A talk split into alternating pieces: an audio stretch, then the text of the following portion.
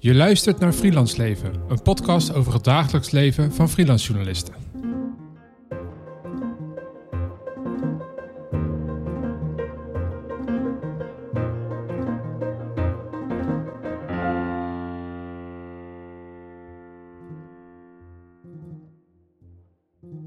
Overal in het huis waar we nu zitten uh, liggen opschrijfboekjes met uh, halve ideeën of wat verder uitgewerkte ideeën.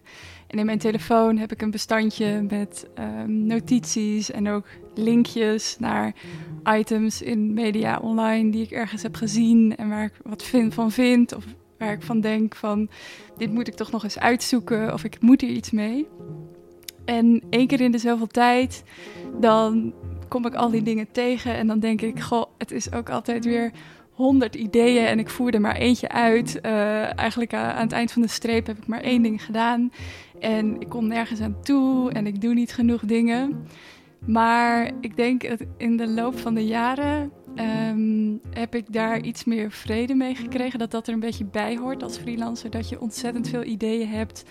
Um, en er uiteindelijk maar een paar, uh, dat je er met een paar maar echt iets doet.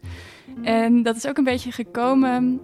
Um, ik zit in een broodfonds met mensen die eigenlijk allemaal andere dingen doen als freelancer. Dus er zitten een paar journalisten in, volgens mij van de 40 mensen. Maar de rest doet allemaal iets anders. En we hebben af en toe bijeenkomsten waar we dan moeten vergaderen over ons broodfonds, maar dan ook altijd even een rondje doen. Hoe gaat het met iedereen? Waar ben je mee bezig? En dan zie ik dat dus ook heel erg. Dit zijn allemaal mensen in welke branche nou ook zitten en op welke manier ze ook freelancer zijn.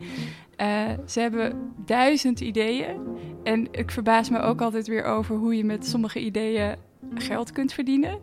Maar dat, dat die constante stroom en dat enthousiasme en altijd de wil om, om uh, iets waar je verbaasd over bent of verwonderd over bent om te zetten in iets waar je geld mee kunt verdienen. Dat vind ik wel echt heel typisch voor het freelancers bestaan. En waar ik me eerst dus altijd zorgen maakte over... ik doe niet genoeg en, en, en er komt nooit wat in de praktijk terecht... heb ik gezien dat het ook een beetje de drijvende kracht is van freelancer zijn. Het is denk ik nog veel erger om geen ideeën meer te hebben. Ja, ik zit hier met Jolanda van der Belt.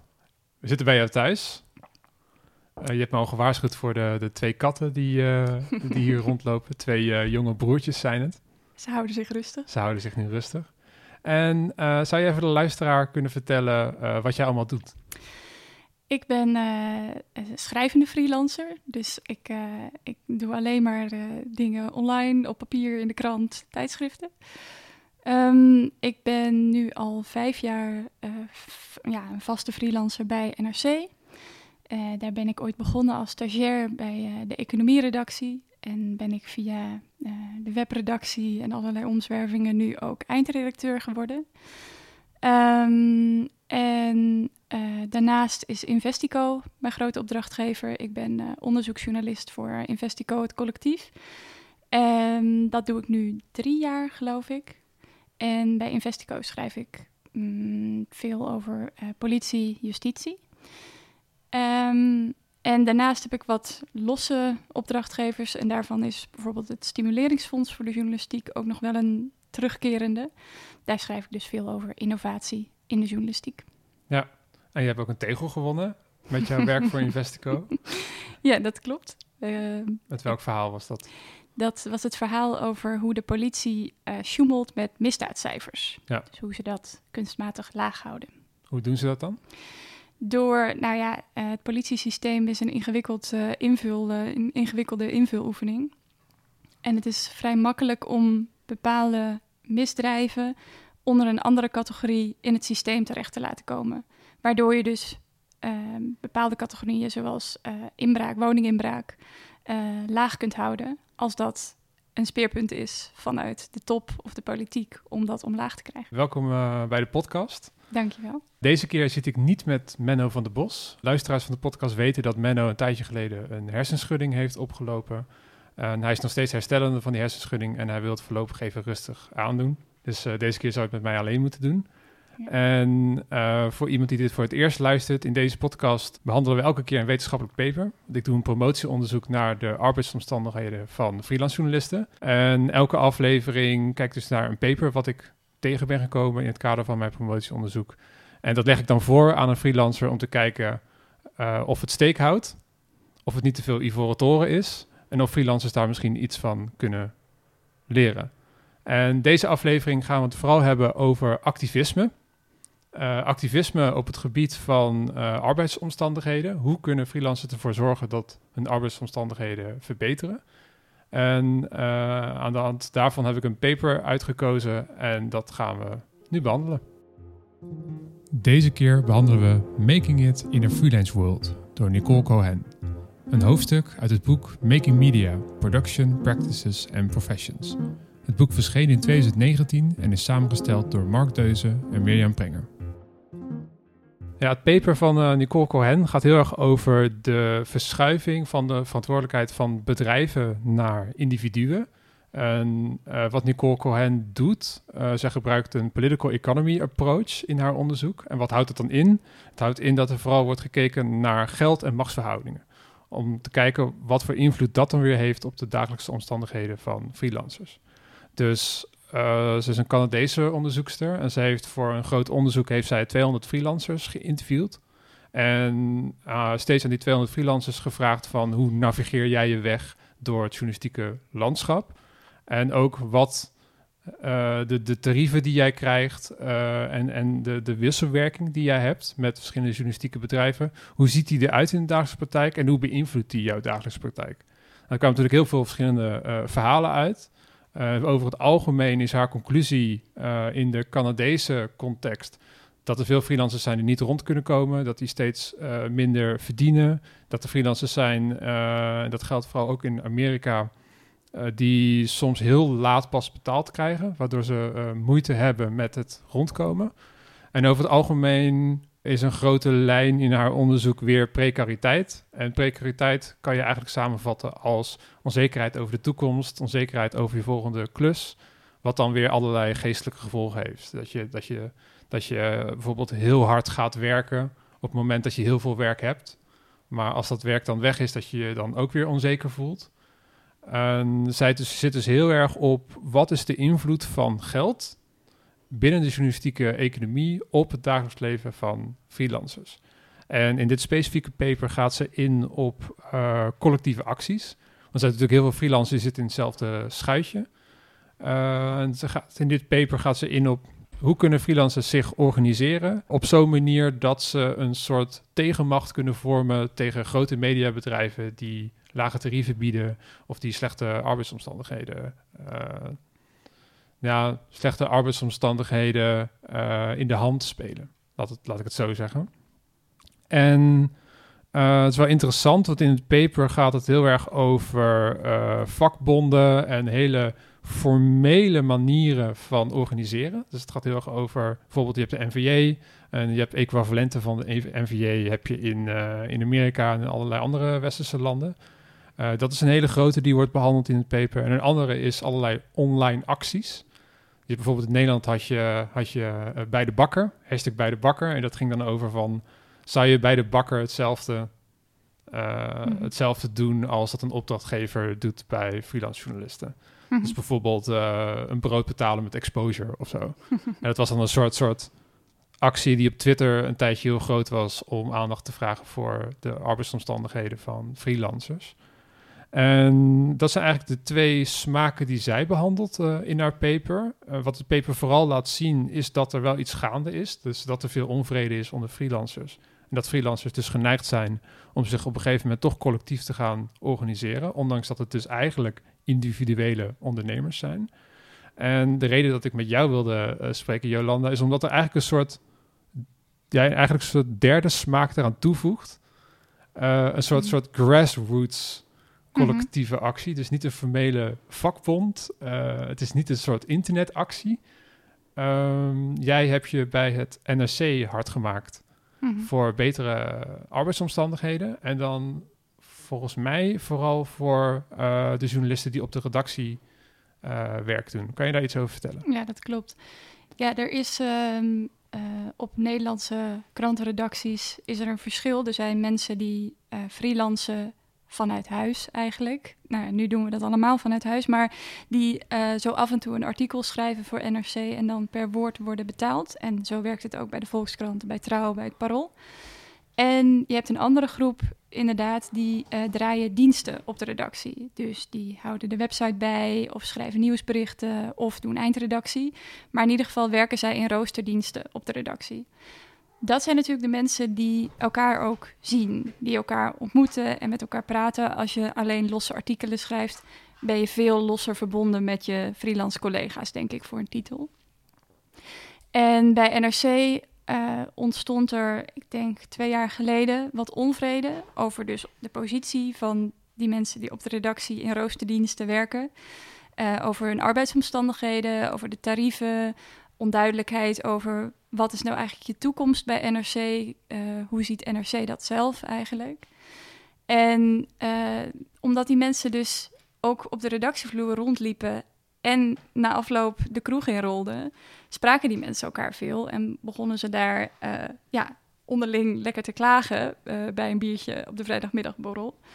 Um, en toen uiteindelijk, ja, dan komt er een moment dat er een paar mensen zeggen, onder wie ik dus, van ja, we, kunnen, we zijn dus met z'n allen over dezelfde dingen, of in ieder geval hebben we een soort van gemene deler, zijn we ontevreden over, over dingen. Wat zijn dan uh, voorbeelden van dingen die vaak terugkwamen? Nou, dat was wat ik net ook al even noemde, denk ik. Dus uh, wat, wat is mijn positie binnen de redactie? Zit ik hier op een plek onderweg naar een contract, voor sommige mensen die dat willen? Of blijf ik dit voor altijd doen? Um, ik, ik wil eigenlijk dan wel meer verdienen over een aantal jaar. Waarom kan dat eigenlijk niet? Dus dan ging het over tarieven. Um, en, en ook uh, waren er mensen die zeiden: Ik zit hier zo vaak op de redactie. Is het eigenlijk niet een soort van verkapte loondienst? Moet ik dat aankaarten? Gaat NRC daar iets van zeggen? Gaat de Belastingdienst uiteindelijk iets van zeggen? Veel onduidelijkheid over, over je positie. Um, en ja, uiteindelijk uh, heb ik toen samen met wat andere mensen dat wel wat meer proberen dus te organiseren. Van we kunnen hier nu allemaal afzonderlijk elke week in de kroeg ontevreden zijn en, en daar weer een gesprek over voeren. Maar we zijn met best wel veel. En kunnen we niet eens uh, ja, iets, iets officiëler uh, onze klacht kenbaar maken? Aan, ook, ook bij de mensen die er wat aan kunnen doen. Ja, en hoe is dat dan gegaan? Nou, dat begon met een, met een WhatsApp-groep. Dus iedereen uh, die freelancer is binnen NRC en die ergens ontevreden over was, kon in een WhatsApp-groep. En dat ging natuurlijk, mensen wisten dat. Dus op een gegeven moment begon, begon die groep die begon te groeien. Want jij zit in die groep en jij spreekt weer eens iemand aan de bar en je zegt, ja, je moet ook in die uh, WhatsApp-groep, want daar, daar gebeurt iets. Een soort sneeuwbal ontstond er. Ja, en um, uiteindelijk uh, in die groep, ik weet niet hoeveel er nu in zitten, ik denk zo'n zo'n 80 uh, mensen.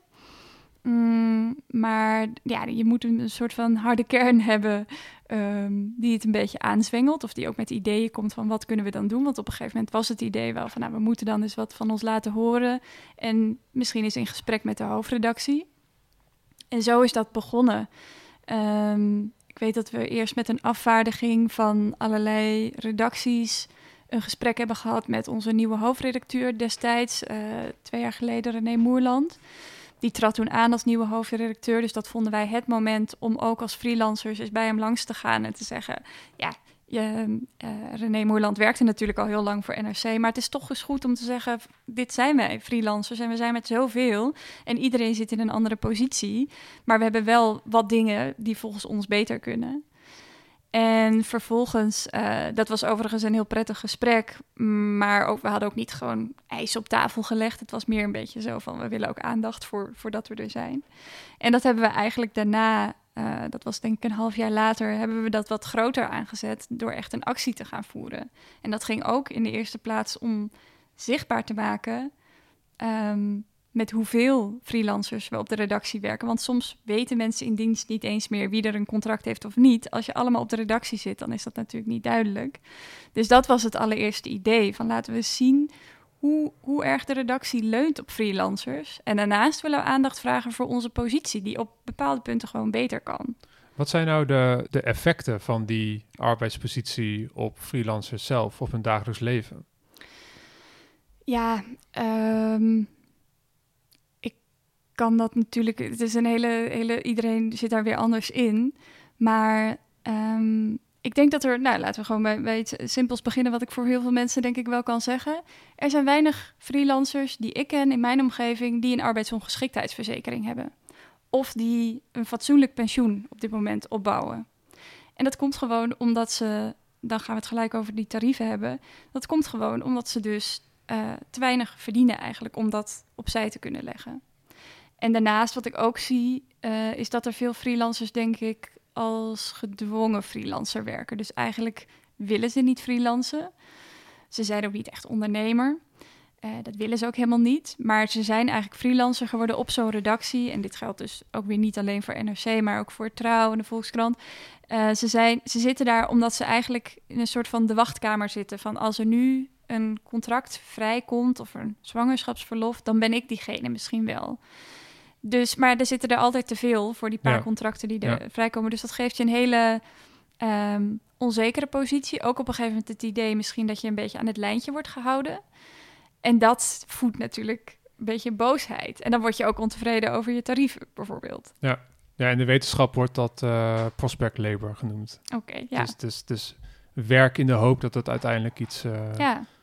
Ja, iets oplevert. Ja. Iets, uh, een soort einddoel oplevert. Ja. Um, maar ja, terug naar die actie. Jullie hadden dus dat gesprek gehad en daarna werd er dus een half jaar later een formele actie opgericht. Hoe ging dat dan? Was die appgroep dan, zat die helemaal vol met freelancers? Zaten daar ook mensen in vaste dienst bij? Hoe? Nee, dit is echt een appgroep waar ik het nu over heb, uh, met alleen maar freelancers. En ook alleen maar dus freelancers van NRC. Ja.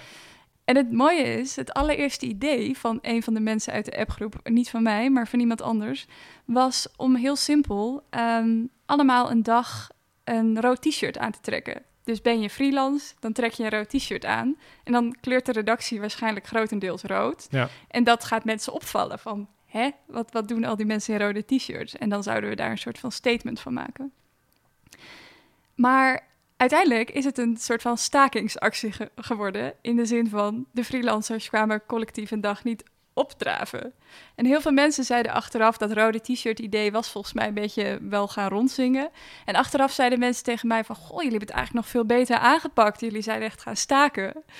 Maar het was eigenlijk om praktische redenen dat het zo gelopen is.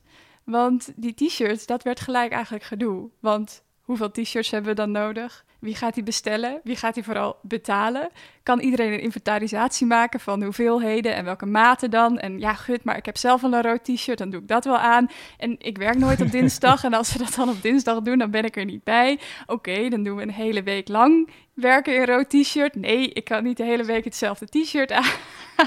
het was gewoon heel, het werd eigenlijk veel gedoe. Ja. Totdat iemand zei, nou, weet je wat? We hebben een roosterprogramma waar je kunt aangeven van welke dagen je wel en niet kunt werken.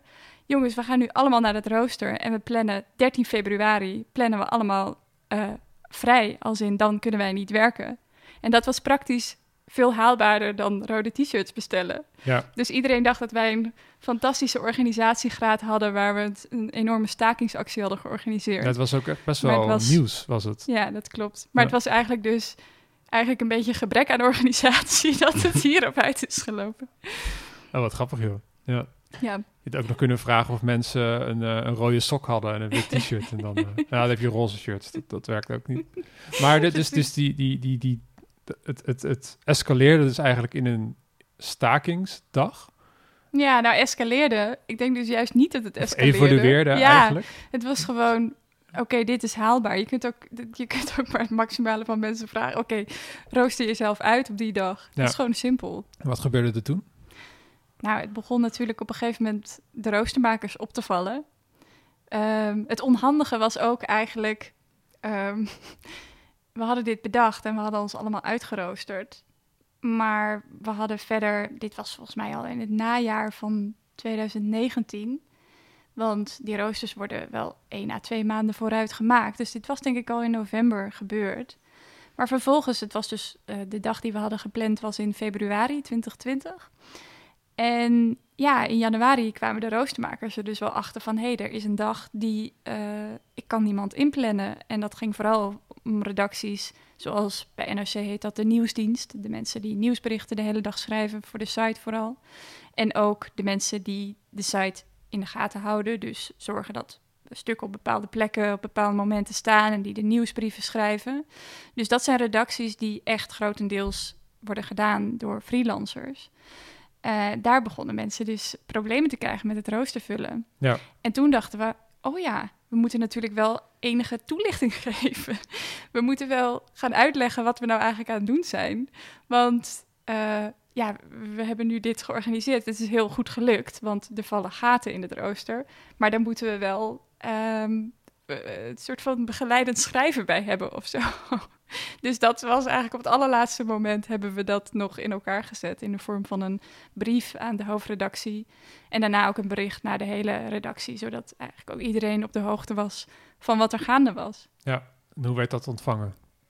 Um, ja, goed, denk ik wel. Het was een. Kijk, het, het, was een actie die een beetje problemen opleverde. Want er waren gewoon te weinig mensen voor bijvoorbeeld zo'n nieuwsdienst of uh, de site. Maar het was ook alweer te overzien. Dus we brachten de redactie niet in ontzettende problemen. Dus in die zin konden we wel op sympathie rekenen. Um, en Um, we hadden uh, ook ja, wel met, met wat, wat concrete punten een brief naar de hoofdredactie gestuurd. En die zijn daar wel gelijk ook op ingegaan. Dus volgens mij zelfs nog voordat de dag zover, voordat het 13 februari uiteindelijk was, werden we al uitgenodigd voor een gesprek. En daarna sowieso. Dus ja, ze hebben dat gewoon wel, wel serieus genomen. Wat waren die concrete punten? We hadden uiteindelijk want daar werd het lastig. Van wat ga je dan formuleren in die brief? Waar iedereen die dan meedoet aan die actie, wat wel zo'n 50, 60 freelancers waren, waar iedereen zich dan ook achter kan scharen. Hoe doe je dat? En toen hebben wij eigenlijk uh, met een paar mensen um, um, hebben we een heel simpel een Google Form gemaakt. We hebben allerlei problemen gedefinieerd van waar ben je nou ontevreden over. Dus lagere tarieven of gebrek aan indexering van tarieven, uh, weinig vooruitzicht van mijn, van mijn, van mijn loopbaan, uh, uh, hoe mijn loopbaan eruit gaat zien bij, bij NRC. ik wil meer geld verdienen op feestdagen. Allerlei dingen waar je als freelancer, die we wel eens hoorden, dus zo ergens aan de bar in de kroeg, hebben we op een rijtje gezegd, gezet. En we hebben aan alle freelancers gevraagd: geef aan welke drie jij het meest belangrijk vindt. En daar kwam uit, uiteindelijk een soort van top 3 uit. En dat was, uh, nou, op één stond wel de tarieven en dus het gebrek aan indexering van tarieven. Onduidelijkheid over de opbouw van tarieven. En op twee, volgens mij, um, nou ja, dat, dat er freelancers zijn die op structurele basis vier dagen per week soms uh, werken voor NRC. En zich dus dan afvragen waarom dat niet gewoon een baan is. En op drie, um, ja, wat, waar we het net ook al even over hadden, van wat is nou precies mijn perspectief hier? Um, klopt het dat chef X tegen mij zegt dat ik de volgende ben die misschien een contract krijgt, maar vervolgens wordt het weer anders en chef Y zegt weer het volgende? Kan daar duidelijkheid over komen van wat, wat doe ik hier, wat ziet NRC eigenlijk in mij? Ja. Dus dat was een top drie die we, waar we aandacht voor hebben gevraagd. Ja.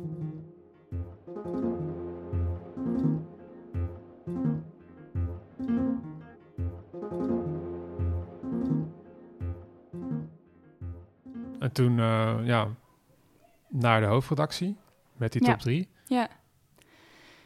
Um, ik vind dat, uh, dat ze dat wel hebben serieus eh, ter harte hebben genomen.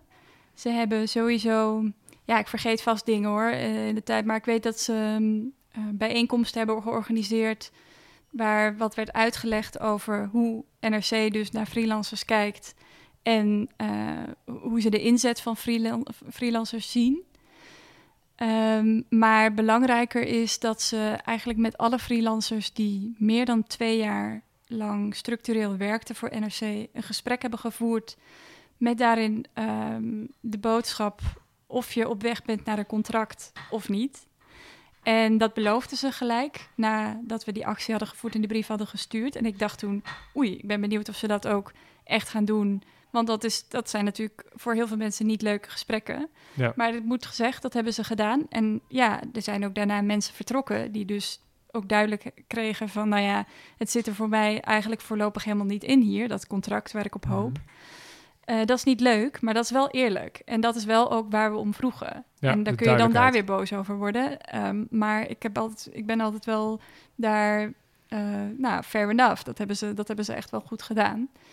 En daarnaast ehm, is er nu ook, zijn, zijn er dingen veranderd. Ehm, volgens mij is het beleid nu dat freelancers die eh, nieuw komen bij NRC en van wie al duidelijk is dat ze drie dagen of zo op zo'n nieuwsdienst gaan werken per week, die eh, kunnen dat niet meer freelance doen. Die krijgen een jaarcontract. Oké, Ja. Dus daar zitten natuurlijk ook allerlei grenzen aan, maar arbeidsrechtelijk gezien heb je het dan wel goed geregeld. En dan, ik noemde net ook al even dat pensioen eh, opbouwen en eh arbeidsongeschiktheidsverzekering. eh, en het feit dat sommige mensen helemaal geen ondernemer willen zijn. Ik denk dat je daarmee dat allemaal opvangt. Dus alsnog blijven die mensen in afwachting. Wat gebeurt er na een jaar of na mijn volgende jaarcontract? Daar zitten allemaal grenzen aan. Maar je hebt het op dat moment wel goed en eerlijk geregeld. Ja, ik, ehm, er zijn best wel stappen gezien jullie, gezien jullie eisen. Hè, dat, dat er echt wel op gereageerd is. En dat er ook eh, organisatorisch eh, dingen zijn veranderd. En nou las ik een, ehm, een tijdje geleden een blog van jou op de website van de NVA. En die ging eigenlijk over dat jullie opnieuw een brief stuurden eh, naar de hoofdredactie. Mhm. Want blijkbaar was er nog steeds onvrede, eh zouden nog steeds dingen moeten veranderen. Wat was de reden om die brief te sturen? Nou, ik had het net natuurlijk over die drie punten die we in februari 2020 aankaarten. Dus tarieven, ehm, ehm, ja, die verkapte loondiensten. Van ik werk hier eigenlijk zo lang eh, en zoveel. ehm, ben ik eigenlijk nog wel freelancer? Moet, moet, wie heeft die verantwoordelijkheid? Eh, en drie, dus wat is mijn perspectief? Dus wat, wat ziet NRC in mij? Nou, eigenlijk dus eh, die twee laatste zijn heel goed aangepakt door die jaarcontracten te introduceren. Ehm, en ook door allerlei, nou, al dan niet slecht nieuwsgesprekken te voeren. Maar de tarieven ehm, bleven een beetje overeind staan als ons punt, wat eigenlijk op nummer 1 stond, maar waar niets mee is gedaan. En dat was de reden om een jaar later opnieuw de, de 13 februari eh, aan te grijpen om daar weer aandacht voor te vragen. Ja. En daar ehm, hebben we toen opnieuw inderdaad een brief over geschreven. Ehm, waarin we ehm, nou, ja, ook wat, wat onderbouwing hadden voor waarom we eh, vonden dat, dat de tarieven op dit moment niet goed zijn. En ook ja, het punt van indexering aangekaart, dat de tarieven eigenlijk al jaren hetzelfde zijn. Ehm, en die brief hebben we ook naar de directie van NRC gericht. Dus niet alleen aan de hoofdredactie, maar ook naar de directie, die natuurlijk ook weer meer te maken heeft met budgetten. Ja. Dachten wij tenminste. En hoe is dat ontvangen? Mm, ik weet dat ze er een beetje van geschrokken waren. En dat kwam denk ik ook. We hadden in dit geval onze eerste actie in 2020 was echt vanuit de freelancers. En we hadden wel sympathie van mensen in vaste dienst, maar die hadden er verder ook. Nou ja, het was een soort van bewustwordingsactie ook, ook voor mensen in vaste dienst, om eens te zien ehm, wat de positie is van de mensen die dagelijks misschien wel naast je zitten. Ehm, toen het ging om die tarieven, hebben we eigenlijk ervoor gekozen om die brief al voordat we hem officieel aanboden aan de directie en de hoofdredactie, ook te sturen naar mensen in vaste dienst en te vragen: wil je die ook ondertekenen? En dat liep eigenlijk boven verwachting goed, eh, in de zin van het aantal handtekeningen. Dus de hoofdredactie en de directie kregen uiteindelijk een bestand toegestuurd waar ja, meer dan 100 handtekeningen onder stonden, ook van mensen in vaste dienst. En ja, dan snap ik wel dat je daar wel even van schrikt, want dat voelt toch ineens alsof er, ja, nou ja, ik wil niet zeggen, dat was ook helemaal niet de bedoeling, dat er een soort van opstand uitbrak. Maar het is een boodschap die ineens wel door heel veel mensen wordt onderschreven. En het was ook best een stevige brief, denk ik, achteraf. Ehm, dus ze schrokken daar wel een beetje van. En ik snap ook in het licht, ik zei het al, er is best wel veel veranderd. En dan komen ze alsnog, of dan komen ze opnieuw met zo'n brief. Ja. Ehm, ja, dat je daar even van schrikt en denkt, ja, maar we zijn, we zijn bezig. En eh, eh, jongens, hallo, Eh, er wordt nog grove geschut ineens ingezet. Maar goed, ze hebben er wel, ehm, we zaten, nou, wat is het? Nou, we hadden binnen een week gewoon een reactie van, van de directie. en direct een uitnodiging om, om te komen praten. Ja. En ehm, ja, dat, dat moet, moet ik ze wel nageven, dat ze daar gelijk op hebben gereageerd. En eh, ook binnen, binnen drie weken of zo zaten we aan tafel. Ja, voordat we het daarover gaan hebben, hoe dat dan verder ging, eh, ben ik even benieuwd naar eh, het hele, hoe jij zelf persoonlijk het hele proces hebt ervaren. Want je hebt op een gegeven moment samen met een paar anderen die handschoen opgepakt. Jij werkt natuurlijk op de redactie. Ja. Eh, en tegelijkertijd zet je dus ook in voor betere arbeidsomstandigheden voor jezelf en ook voor de anderen eh, op de redactie. Ja. Ehm, hoe ervaar je dat zelf? Ja, er zitten heel veel verschillende kanten aan.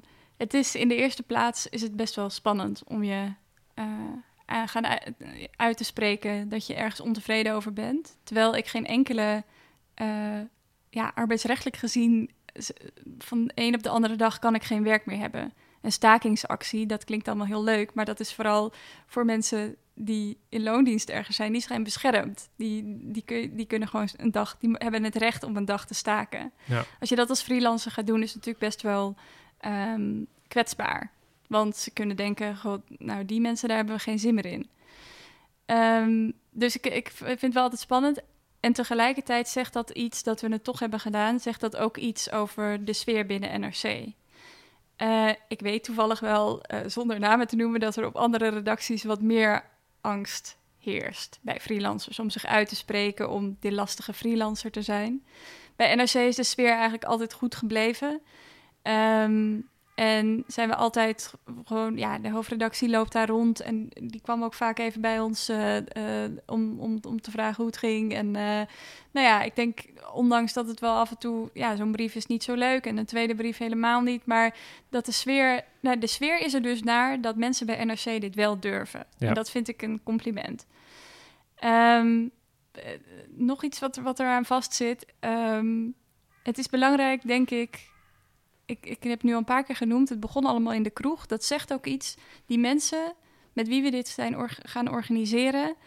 Dat zijn mensen die meer zijn geworden dan je freelance collega's. Daar sta je dus mee in de kroeg. Het is denk ik voor mij heel belangrijk geweest dat ik dit heb gedaan. Omdat ik het deed met mensen die ik heel leuk vind. Die ik ook buiten mijn werk leuk vind. Of ook buiten mijn werk zag. Dan eh, ga je sneller.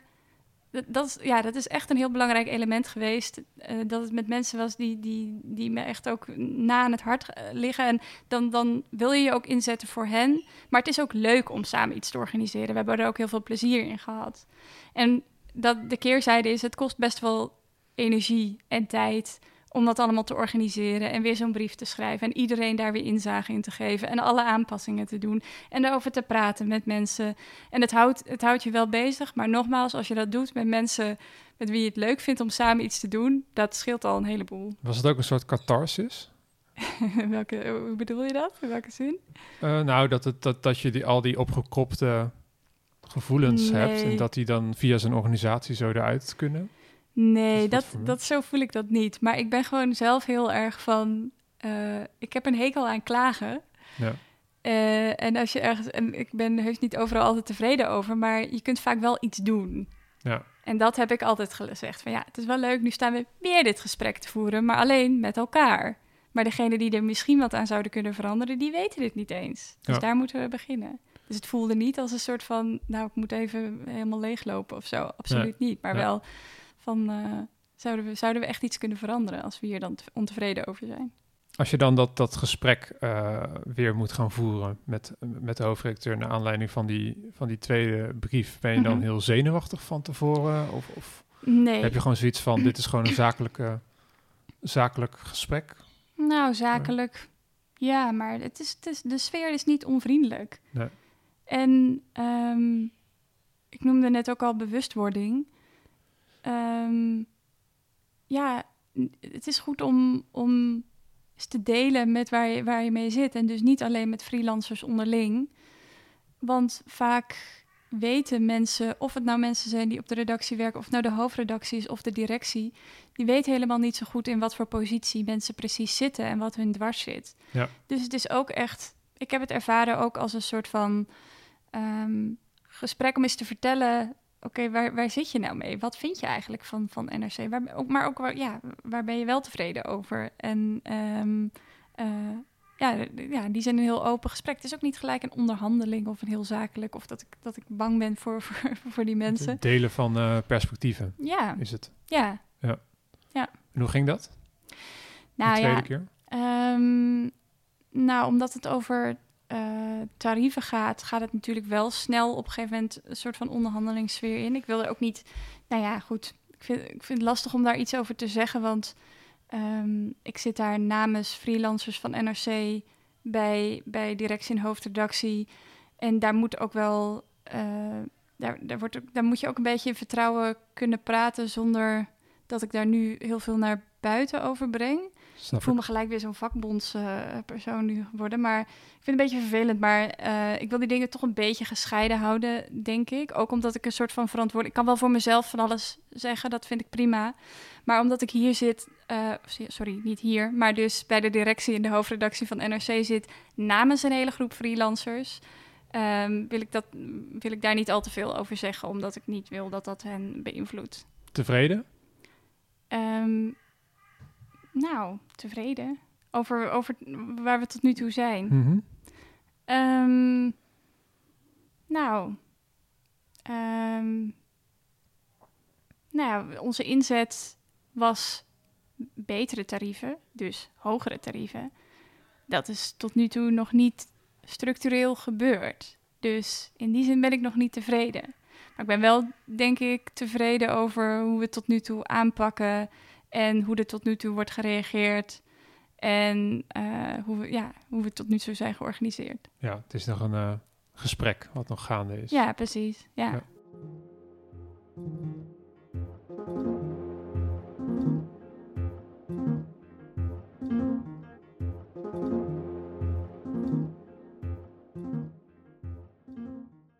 Ik wil het even nog eh, iets breder trekken. We hebben het nu vooral gehad ehm, over jouw rol als freelancer bij het NSC hè, en, de, en, de, en de acties die je hebt gedaan.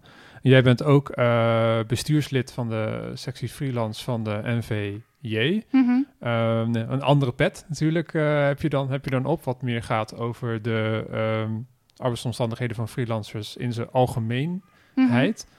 Zie jij een soort van, eh, dus je hebt natuurlijk jouw persoonlijke actie, maar Mhm. je kijkt natuurlijk ook hè, over, over de heg naar andere redacties. Mhm. Zie jij dit op andere redacties ontstaan? Zie jij momentum? Wat, wat is jouw indruk hiervan? Ja, zeker. Het, het ontstaat ook, ook bij de Volkskrant en bij Trouw. Dat zijn twee groepen mm, waarvan ik dat toevallig weet. Dat ze ook eigenlijk tegelijkertijd al met wat er bij NRC gebeurde... ook een soort van, ook een WhatsApp-groep hebben en ook overleg hebben... en ook wel eh, in gesprek zijn met hun hoofdredacties eh, over dezelfde thema's.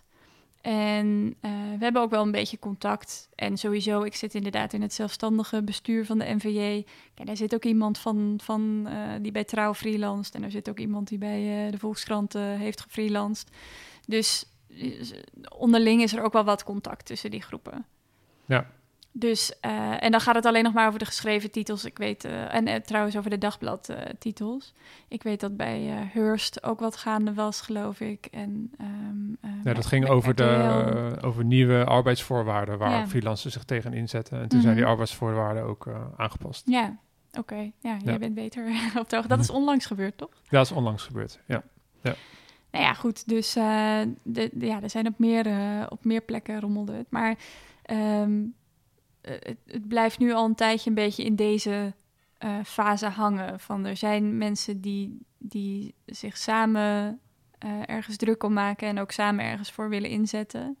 Maar goed, er kwa- kwam een coronacrisis eh, eigenlijk net na onze actie eh, tussendoor. Dus dat heeft ook niet geholpen, want dat brengt mensen natuurlijk in een nog onzekerdere positie. Dus dan zijn ze nog minder bereid om zich uit te spreken. Dus dat zie ik bij, bij verschillende eh, titels wel een beetje. Soms is het ook weer een beetje uitgedoofd, geloof ik. Ja, dat brengt me ook een beetje op ehm, eh, een punt wat eh, Nicole Cohen ook maakt in haar, in haar paper. En wat ik ook in ander onderzoek naar eh, collectieve acties van freelancers ben tegengekomen. En dat is die constante spanning Mhm. tussen de freelancer als individu, Mhm. hè, als, als, als zelfstandig ondernemer, die zich dan Mhm. collectief zou moeten gaan organiseren. Mhm. En dat is constant een soort van, ja, maar ik ben toch, ik werk toch voor mezelf. Waarom zou ik dan met anderen samen gaan werken? Wat is jouw kijk daarop? Nou ja, mijn, mijn korte antwoord daarop is altijd... Het is dus heel jammer dat Menno er niet is vandaag. Want ik heb ooit op een borrel Menno uh, overtuigd dat hij lid moest worden van de NVJ. En dat ging volgens mij volgens deze argumentatie. Uh, wat overigens ook heel sportief was, wat, dat hij eerst uh, argumenten had om niet lid te worden van de NVJ. En dat hij daarna eigenlijk zei van... Goh, je hebt, je hebt misschien eigenlijk wel een punt. Dat doen ook niet alle mensen aan publiek. Menno luistert vast mee. Ja, bij deze. Um, ja, ik ben zelf ook best wel uh, solistisch ingesteld. Als in, ik, wil, ik regel dingen het liefst zelf. En, uh, ja, je trekt ook de car met zo'n actie ja, zelf. Ja, maar ook gewoon als in hoe ik mijn eigen freelancer bestaan zie, is ook best wel individueel of zo. Dat vind ik ook prettig. Ik doe dingen graag alleen en op mijn manier. En, uh, nou, goed. Um, um, en ik vind dus ook dat je um, ook wel veel, veel eigen verantwoordelijkheid hebt. Maar het komt vaak in de journalistiek erop neer dat je misschien gevraagd wordt, of in ieder geval er is sprake van dat jij een bepaalde klus gaat doen. En dan moet je uh, over geld onderhandelen. Um, en dan heb je heel, een hele slechte positie in de journalistiek. Want jij wil meer geld, dus je zegt, nou, ik doe dat niet voor, uh, voor uh, 40 euro. Ik wil 50 euro per uur verdienen. Of ik doe dit artikel niet voor zo weinig geld. Nou, wat dan ook. Maar dan is het ja, eh, ja voor jou tien anderen. Hmm. En dan heb je dus geen enkele positie, ben je weg en iemand anders gaat dat gewoon doen. Dus je moet zorgen, als je daar iets aan wil veranderen, dat die tien anderen met jou in een collectief zitten. Of op een of andere manier moet jij jezelf met die tien anderen organiseren. Want dan, pas dan kun je afdwingen um, dat je, dat je die, die positie hebt om tegenover een opdrachtgever te onderhandelen. Dus dat heb ik altijd al gevonden. Van ja, je hebt inderdaad, je bent, je bent je eigen winkeltje. Maar op het moment dat de omstandigheden zo slecht zijn dat andere mensen voor veel minder geld dat willen gaan doen en jij dus alles weg ziet lopen, um, dan moet je zorgen dat je, dat je je organiseert en dat je al die mensen met de neuzen dezelfde kant op krijgt, die tien anderen. Dit klinkt heel logisch natuurlijk. Waarom uh, gebeurt het dan niet? Is het nog niet op, op hele grote schaal? Ja, dat is een hele goede vraag. Um, omdat andere mensen misschien. Stel dat ik, ik een klus niet voor 40 euro per uur wil doen. Ja, iemand anders zegt misschien ik wil dat wel. Um, en ik moet ook zeggen, we hebben het nu de hele tijd over je organiseren in een soort van blok vormen of een, een, een, tegenkracht vormen tegen, tegen de grote uitgever of de grote redactie. Maar ik vind dat hele je organiseren, daar zit ook iets in van bewustwording onder freelancers van dat dingen soms gewoon echt niet kunnen. Dat dingen niet rechtvaardig zijn, niet oké zijn. En dat we daar dus ook niet akkoord mee moeten gaan. Het is niet altijd een heel populair standpunt. Uh, ook niet binnen de NVJ, want dan wentel je het misschien weer te veel af op, uh, op individuen. Maar uh, ik vind dat ook journalisten echt wel een verantwoordelijkheid hebben, als je dan freelancer bent, om gewoon een goede ondernemer te zijn. Er was op een gegeven moment heel veel gedoe over dat mensen in de regio voor 13 cent per woord werkten. En toen zei op een gegeven moment tegen iemand, eh, iemand tegen mij van... ja, dat mensen voor 13 cent moeten werken, dat is belachelijk. Maar als jij voor 13 cent per woord werkt, dan ben je ook gewoon geen ondernemer. Dat kan niet uit. En ik denk dat ook je, je, je organiseren of bij elkaar... Uh, uh, een beetje, beetje elkaar opzoeken als freelancers... brengt ook dat met zich mee. Dat mensen zich bewust worden van... ja, maar ik moet ook niet dit voor zo weinig geld gaan doen... Um, dus waar mensen dan eerst denken van nou, ik doe het maar en uh, ja, dan kom ik maar net of nauwelijks rond. Uh, je organiseren betekent ook dat je met elkaar ja, wat, een gesprek gaat hebben over wat wel en niet kan. Ja, toen wij, Sjoerd Arends en ik begonnen met, het, met research voor het boek, voor ons boek, De Nieuwe Journalist, toen zaten we ook precies met diezelfde vraag van, van we zien dat er journalisten zijn, freelancers zijn die allerlei uh, documentaires maken, die allerlei prijswinnende journalistiek maken waar heel veel tijd in zit. En we wilden vooral begrijpen hoe die journalisten zich navigeren door het journalistieke landschap om toch die journalistiek te kunnen uh, blijven mm -hmm. maken. Uh, en daar dus een heel realistisch beeld in, in, in te scheppen. Mm -hmm. En door die 50 interviews met, die we voor de nieuwe journalist hebben gedaan, natuurlijk allerlei ander onderzoek wat we, wat we daarnaast hebben gelezen. Mm -hmm. En nu ook het uh, promotieonderzoek wat ik nu doe, krijg je steeds beter een beeld van eigenlijk het landschap Mhm. waarin je navigeert. Mhm. En wat, wat veelgemaakte uh, nou, bijna afslagen zijn die Mhm. freelancers doen, eh, waardoor ze vastlopen. Bijvoorbeeld een freelancer die voor een, een, lokaal, ja, een lokaal medium werkt voor die 13 cent per woord. Dat, dat hou je maar zo lang vol en dan loop je vast. Dus, Ja. en, en, en, en, en dan zeg ik niet dat dat, dat het oké is natuurlijk. Nee. Maar het gaat meer over dat je dan kijkt naar, oké, wat is nou de algemene structuur Ja. en hoe kan je daarin bewegen? Ja, maar denk je dus zo'n zo'n freelancer die vastloopt?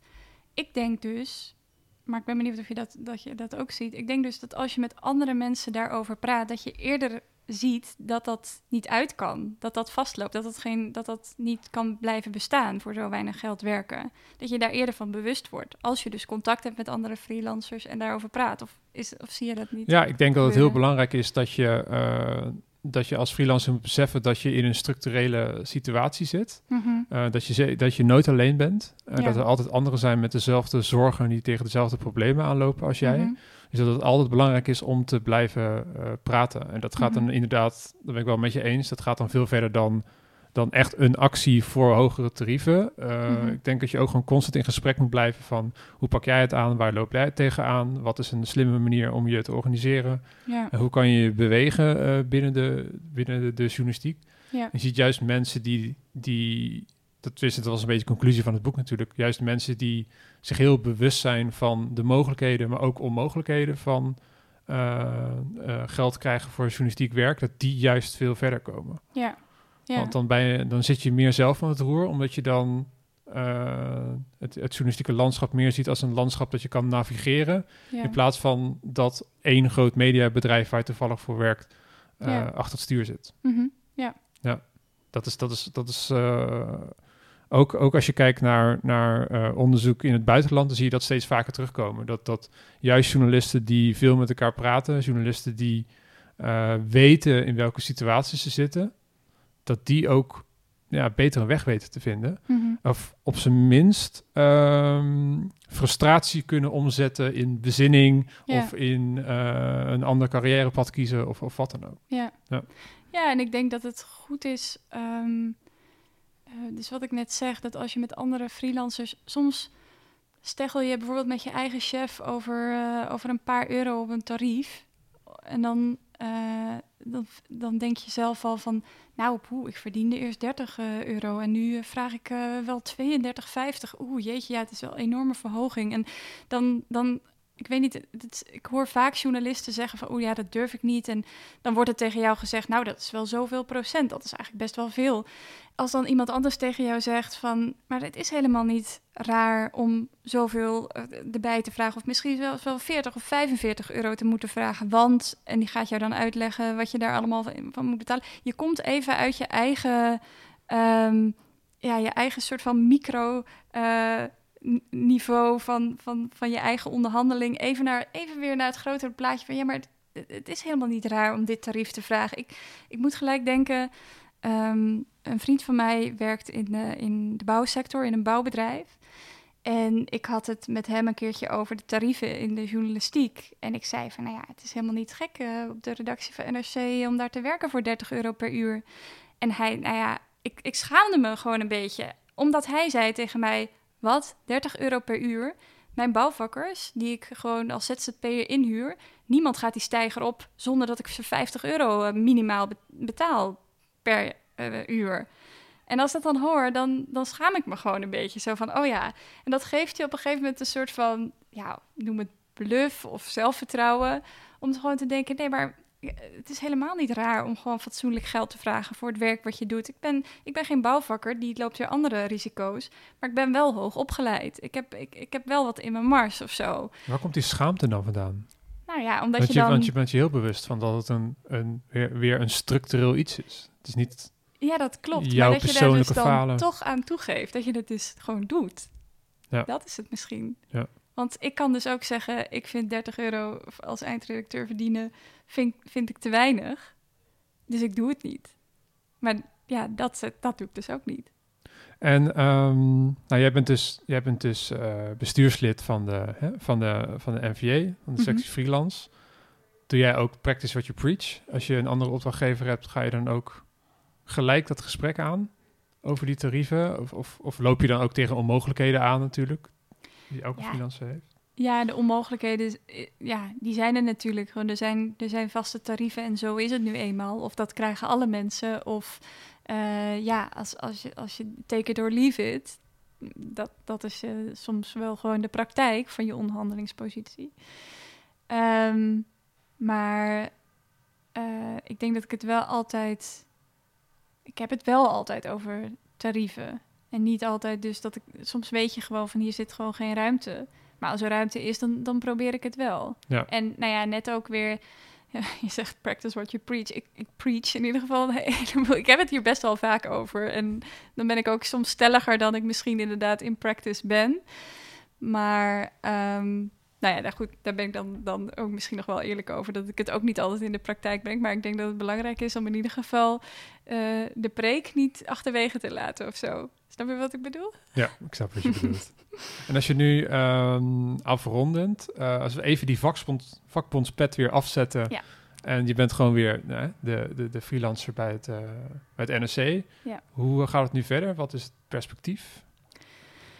Nou, er is sowieso eh, heel sectorbreed natuurlijk nu iets aan de hand. Ehm, eh, er zijn eh, plannen, of in ieder geval de NVJ, dan komt de vakbondspet toch weer even bij, maar de NVJ wil heel graag afspraken maken over bodemtarieven voor dus de mensen die op de redactie in roosterdiensten werken. Dat hebben ze vorig jaar, eind vorig jaar bij de omroepen gedaan. Dat heet de Fair Practice Code waarin een soort van bindende afspraak is gemaakt over een ondergrens van, volgens mij is het 32 euro per uur. En volgens mij was het minimaal 150% van Precies. het, het loon van een gelijksoortig iemand die een dienstverband heeft. Ja, het is Ja. inderdaad gekoppeld aan het CAO-loon, wat natuurlijk gelijk met zich meebrengt dat de indexering, eh, eh, dat er een indexering aan vastzit, dat dat meegaat. Eh, en dat willen ze voor, ehm, eh, ja, voor, dus de geschreven titels wil de NVJ dat ook heel graag voor elkaar krijgen. En daarover zijn ze nu in gesprek met de Mediafederatie. En de Mediafederatie, dat is eigenlijk de, waar de, alle directies van, van titels, eh, dagbladtitels, tijdschriften weet ik even niet, maar in ieder geval dagbladtitels eh, zijn verenigd. Dus die praten nu met elkaar. En dat loopt natuurlijk een beetje door ons contact heen. Ehm, Ons contact Eh, met het NRC bedoel ja, dat bedoel ik, sorry. Ehm, eh, ons contact vanuit NRC-freelancers met NRC, want NRC zit natuurlijk ook in de Mediafederatie. Dus ehm, eh, ja, het is even afwachten wat er in die Mediafederatie eh, gebeurt. In ieder geval heel erg bedankt dat je, dat je, dit, dat je dit wilde vertellen. En als jij wil reageren op deze aflevering, dan kan dat met een mailtje naar contact.freelanceleven.nl. En je kunt natuurlijk ook twitteren met de hashtag freelanceleven. Bedankt voor het luisteren. Freelance Leven wordt mede mogelijk gemaakt door het Lira-fonds Reprorecht. Mijn promotieonderzoek, dat ten grondslag ligt aan deze podcast, wordt mogelijk gemaakt door Stichting Democratie en Media en het Stimuleringsfonds voor de Journalistiek. Wij zijn er volgende maand weer met een nieuwe aflevering. Tot dan!